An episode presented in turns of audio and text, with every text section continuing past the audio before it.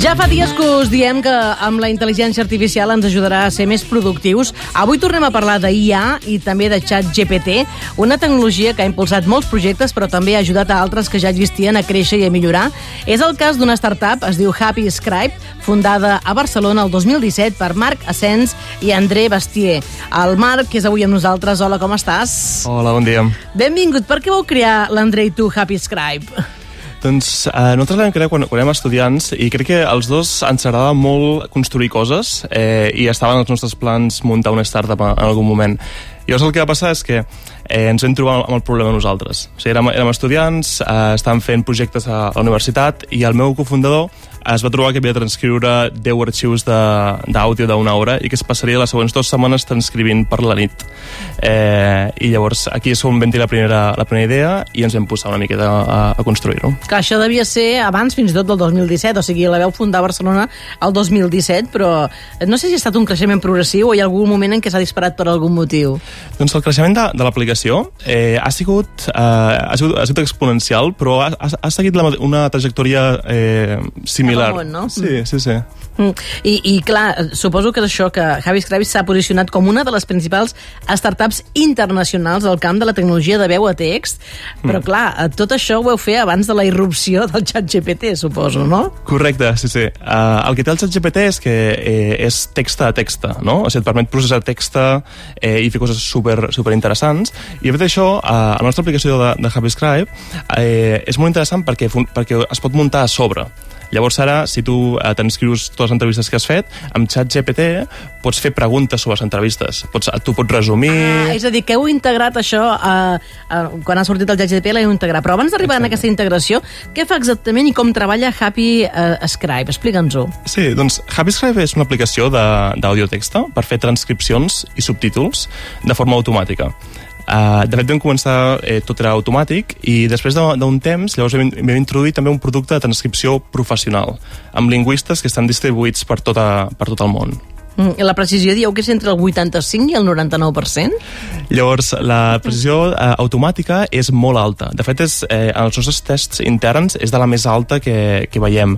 Eh, I això és gràcies a que amb totes les transcripcions que ha fet la gent, quan fan eh, correccions, llavors utilitzem això com a feedback pel model i, i, així, i així aconseguim una precisió molt alta. Uh, I després estan els lingüistes, que si per la gent que vol uh, un resultat perfecte, llavors ho poden corregir a sobre. Ah, o sigui, també hi ha el, el tema de la correcció. També hi ha el tema de la correcció, correcte. Sí, sí. Um, llavors, a, a nivell de...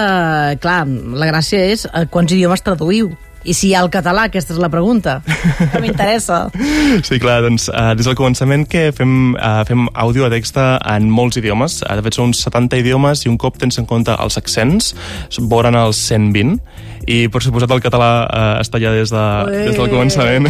Clar, és que tenim un problema, no és veritat, a l'hora de transcriure, que hi, havia, hi ha eines al mercat, mm. però clar, com que moltes vegades no hi ha el català amb segons què, ho has d'anar fent i has d'acabar corregint el castellà. Sí. Per exemple, a l'hora de posar subtítols en els vídeos, per dir alguna cosa. Sí. Clar, vull dir, hi ha poques eines que hi hagi el català, no? Um, clar, i se m'acudeix també aquesta pregunta a molta gent quan els hi reclamem, no? que estan fent coses amb IA generativa o, o a través del llenguatge natural i dius, i per què no poseu el català? I diuen, és que són més diners. O sigui, vosaltres sí. suposen més diners posar un altre idioma dins d'aquests idiomes? O sigui, la, la gràcia dels models que utilitzem d'intel·ligència artificial és que el model, l'algoritme, és el mateix per tots els idiomes. Ah. El, el que canvia són les dades amb el que l'entrenes. Llavors aquí el que importa és tenir moltes dades sobre català. I de fet per això, en el primer any ja vam introduir el català per anar recol·lectant aquestes dades i llavors a mesura que abans del temps eh, doncs hem creat un, un dataset molt important i ara, ara en català funciona molt bé eh, i de fet funciona bastant a prop d'en castellà. Mm, clar, segurament coneixes no, el projecte Aina, sí. el, el projecte no, que, que va engegar la, la Generalitat, però també que ve d'un projecte també de, de, mm. de gent altruista que era el, el projecte anterior de Mozilla, no? que, o sigui, que la gent es, estava introduint mm. i diuen necessitem moltes veus que parlin català i, i clar, no sé si, per exemple, empreses privades com vosaltres heu sí. pensat també en fer servir tota aquesta feina que hem fet Sí, Doncs uh, ara mateix uh, crec que part de les nostres dades en català venen del, del projecte AINA també. Uh -huh. De fet, el que ens va sorprendre Ah, és que en quan miràvem el dataset aquest de Mozilla, el llenguatge en català uh, ja és supergran. Clar, és, o sigui, Mozilla és una cosa internacional i bé, que els catalans són supermotivats donant la seva veu, no? Supermotivats, sí, sí, sí. Sí, sí, Eh, sí. És, és es, es, veu, es nota molt això, no? Sí, sí, sí. sí. Uh, I és a dir, que vosaltres heu accedit també en tot aquest... O sigui, almenys el projecte AINA serveix per alguna cosa. Sí, uh, ho, ho, hem, ho hem incorporat uh, o sigui, a- amb les altres dades que tenim de d'usuaris que, que, que han fet correccions també. Sí, Mm. sí. Uh, qu- quanta gent sou i quin volum de facturació teniu? O sigui, teniu clients molt destacats, he de dir, no? Bueno, en tenim alguns, sí, sí. Uh, per exemple, el Parlament de Catalunya són un dels nostres clients, de fet, de fa eh, 3 anys o, o així. Uh, fa poc els vam tenir a, a les oficines i va ser bastant interessant que ens expliquessin com, com havia avançat tot. Uh, I llavors, a nivell de, de, de volum de facturació, ara estem facturant vora uns 5 milions de, a, a l'any i això ho estem fent amb un, amb un equip uh, que és d'unes 20 persones. De fet, um, el rati és, eh, és bastant elevat i això ve perquè la forma com estem muntant l'equip eh, busquem muntar un equip que sigui petit eh, però on tothom sigui molt bo, sigui molt, molt full stack, pugui fer moltes coses. Més àgil, no? Un equip petit que pugui ser àgil, Exacte, no? sí, sí. I clar, no sé quants anys tens, però és la mitjana és de la teva edat? Quants anys tens tu? Jo en tinc 27. Eh, llavors en l'equip ara tenim més diversitat uh, tenim... és veritat que uh, els d'enginyers tenim bastants enginyers del 95 de la UPC eh, però ara estem, estem començant a, diversificar uh, i bueno, la mitjana està més o menys per allà però, però tenim més diversitat No, i realment, clar, és que tu no ho vols dir per humilitat, però eh, veig que la BBC, la Generalitat, Nacions Unides, Spotify, fins i tot Forbes, um, mm. no? Dir, molt, moltes, moltes coses. Molta gent treballa amb vosaltres. Què us demanen tota aquesta gent? Què feu, per ex exemples de coses que feu? Sí, doncs, um, per exemple, uh, fem els subtítols de, de programes uh, de, que surten a la, a la televisió. Eh, a vegades hi ha alguna, alguna empresa que, que vol fer vol entrenar machine learning també, llavors necessiten uh, transcripció, llavors els ajudem a fer el, el dataset.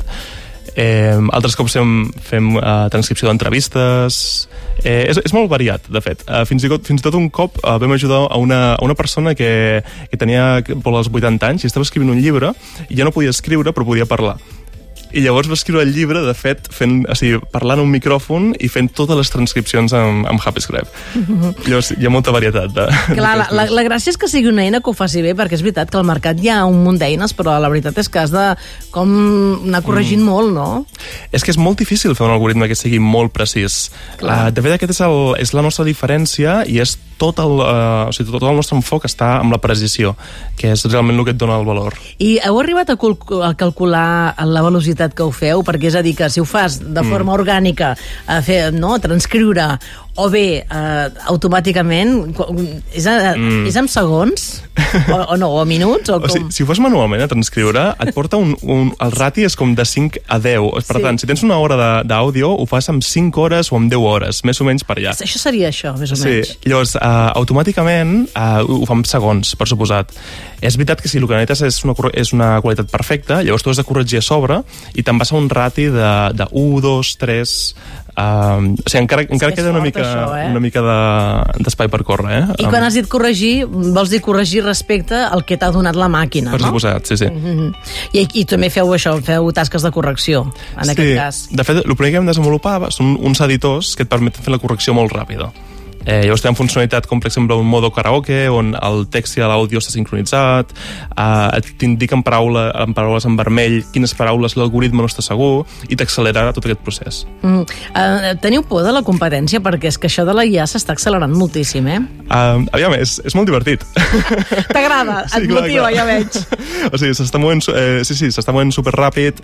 Uh, crec que ens, ens, ens agrada molt que som un... Uh, el problema d'àudio a text és molt fundamental. Llavors té moltes aplicacions. Llavors, a mesura que s'està movent molt ràpid el, tot el- a l'entorn, surten més idees per aplicacions. Uh, de fet, una, una cosa que ara encara... O sigui, bueno, ens, ens estem mirant una mica de- des de fora és que es, uh, podríem fer la capa de veu a sobre d'una cosa com ChatGPT. Uh, ara amb el ChatGPT llavors hi ha aquesta interfície que és nova, que és el Natural Language, la interfície de llenguatge natural, no? en lloc de clicar botons tu escrius text i llegeixes text, Sí. però hi haurà molta, moltes aplicacions que seran en veu. Tu estaràs parlant amb el ChatGPT i estàs escoltant Cada vegada més serà veu, no Exacte. directament, no, no escrit. Clar, i, i fa un parell d'anys vau posar en marxa el mercat de transcripció humana? Què és això? Què demostra aquest mercat? Sí, això és el que, el que comentava abans dels lingüistes, no? Uh, ens, trobe, ens hem trobat després d'un temps que molts dels nostres usuaris el que volien era una qualitat perfecta, eh, no només l'automàtica, i que a més no, no es volien preocupar de tenir un equip intern per fer aquestes correccions. I llavors vam començar aquesta plataforma on gent de tot el món es pot apuntar, fan un examen, i llavors si, si el passen, eh, llavors poden corregir. I és una espècie de globo però per, per transcripció. M'encanta aquests paral·lelismes. Escolta, ja veig que esteu motivats aquí a guanyar un gran mercat i enhorabona per aquesta eina i per aquesta perfecció que, que aconseguiu. Gràcies. Una abraçada, Marc. Gràcies, un plaer.